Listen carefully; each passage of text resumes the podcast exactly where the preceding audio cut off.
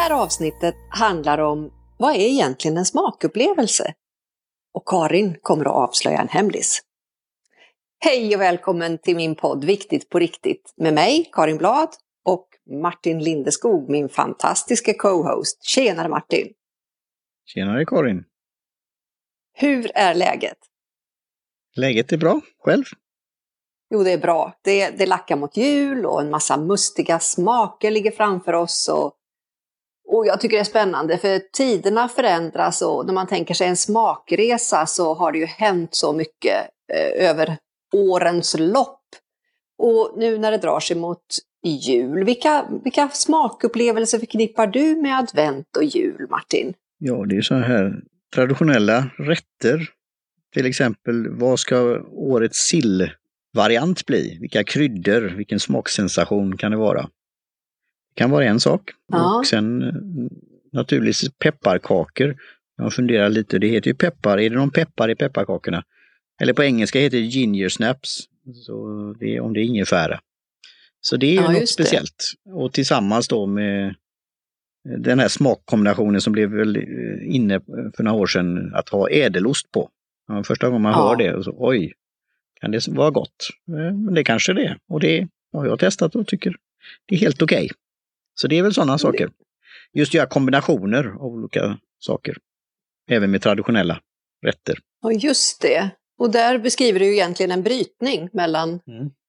både inställning och föreställning och sånt som är väldigt spännande i mitt yrke också som professionell coach, där man många gånger hittar i de här brytpunkterna. Men vad mm. kul! Och jag tänker ju på smak och lukt hänger ju så nära ihop och vi pratade om det i förra poddavsnittet. Mm. Och då måste jag fråga dig, gillar du lutfisk? Får jag passa? Tillsammans med en, en, eh, en bra sås och, lite ja. pepprigt och så, så smakar det ja. någonting. Annars är ju hela grejen ja. att lutfisk inte ska smaka någonting. Och det har ju en historisk att eh, det skulle vara på lut och det skulle lagra sig och det var sånt som var eh, nästan ja. nödproviant eller ja, preppermått. Ja. Så det, traditionellt och historiskt är det väl helt okej. Okay. Men det är ju inget, ja, det är ingen favoriträtt. Men just på jul så blir det väl att äta lite lutfisk. Med mm. någon sås och lite kryddor, då, då kan jag äta det.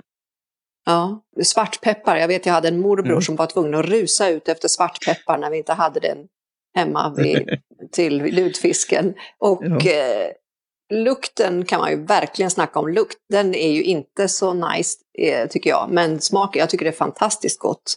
Men mm. eh, jag är väl ensam om det, så det blir glest med lutfisk.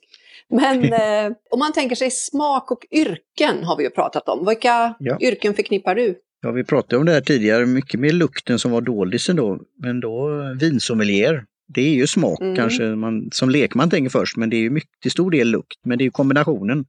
Att vad, vad mm. känner man i svalg och i munhåla och när, kanske inte gurglar då, men eh, just rulla runt.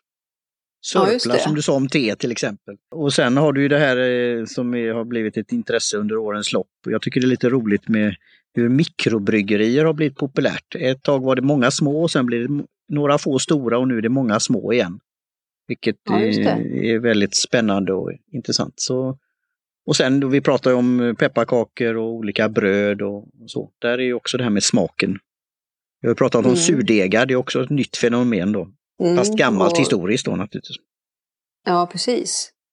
Och det råkar ju vara så att jag har ju en son som bor i Australien och som är ölbryggare.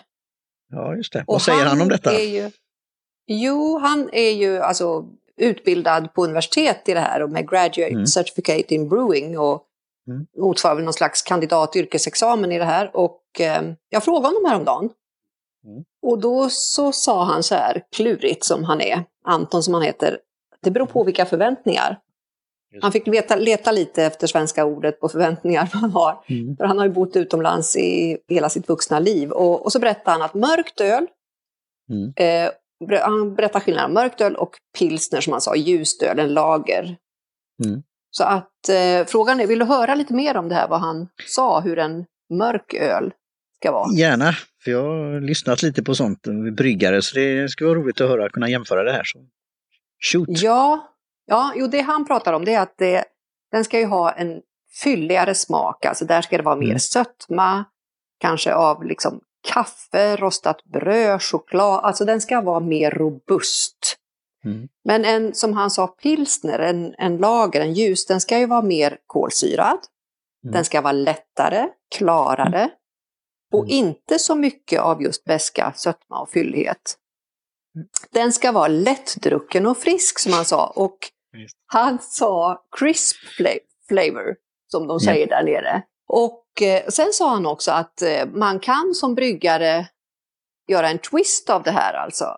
Att man kan, eh, man kan göra en mörk öl mm. som en ljus. Alltså här kommer ju yrkeskompetensen i. Och sen där ska vi väl stanna till, annars så, så hinner vi inte prata om någonting annat. Men Nej. det var väldigt roligt när han började berätta.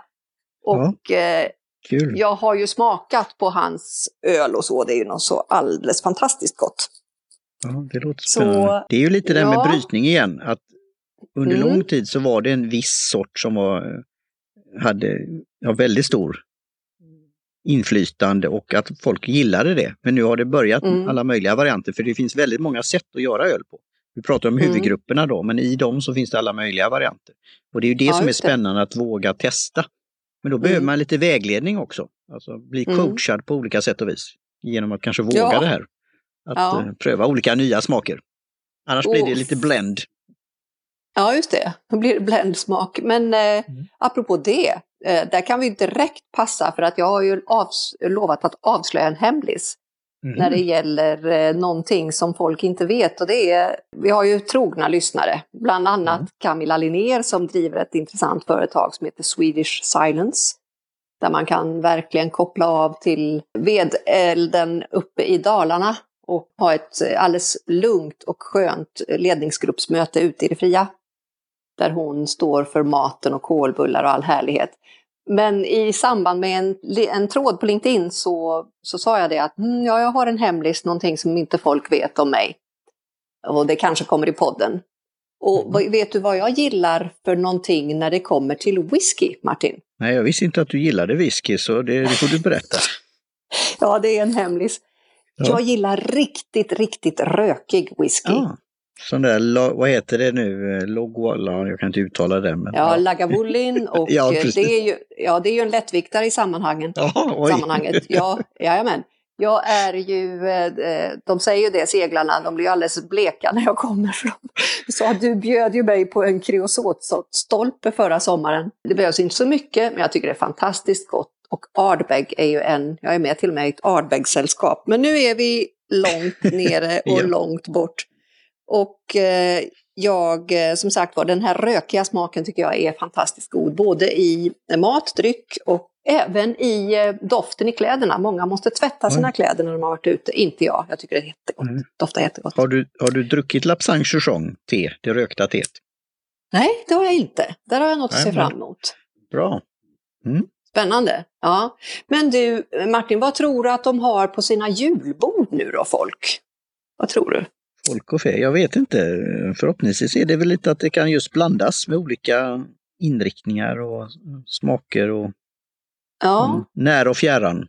För att jag, jag eh, har ju själv ändrat mig i min smak, eller jag har ju alltid gillat grönt. Och mm. då, vår svenska julmat är ju så enormt mycket kött och stabbig mat. Men mm. nu har det blivit grönare och grönare, vilket jag tycker är toppen. Och mm. eh, faktum är att det är så kul, för lyssnarna är ju mer och mer aktiva, våra mm. kära lyssnare. Och eh, till exempel Patrik Fröman, han pratar ju om någon spännande, eh, vad ska vi se, vad, vad var det han sa, Herrljungens lagrade, Herrljungas lagrade cider. Mm. Som jag inte har testat, den blev jag nyfiken på. Och ett annat stickspår här när det gäller vad lyssnarna säger, det är ju malörtabäsk. Mm. En lyssnare gav nämligen tips om att det fanns ett program med Fråga Lund, 47 minuter in i programmet, så kan man kolla, det ligger i show notes. Så står det talat om smak, smaklökar. Mm. Och eh, när man klickar på den här filen så kan man få lära sig hur man kan se hur många smaklökar man har på tungan en jätterolig grej och där man är uppdelad i antingen om man gillar bäst eller inte. Så mm. antingen är man en bäskgillare och då kan man tycka mm. om kall kaffe. och mm. malört. Eller så tycker man det är totalt pyton. Det var en, mm. en av forskarna där som var med och pratade om det. Vet du vad han berättar mer om, Martin? Nej, han berättar om någonting som heter supersmakare. Och det har att göra med hur många smaklökar man har på tungan. Har man mer än 30 så är man en supersmakare. Har man färre än 15 så är man en lågsmakare. Och mellan 15 och 30 så är man normal. Mm. Eh, han trodde att många kockar har, är lågsmakare.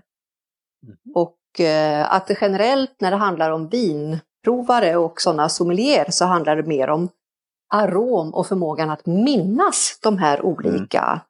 smakerna. På vilken sluttning har druvan vuxit?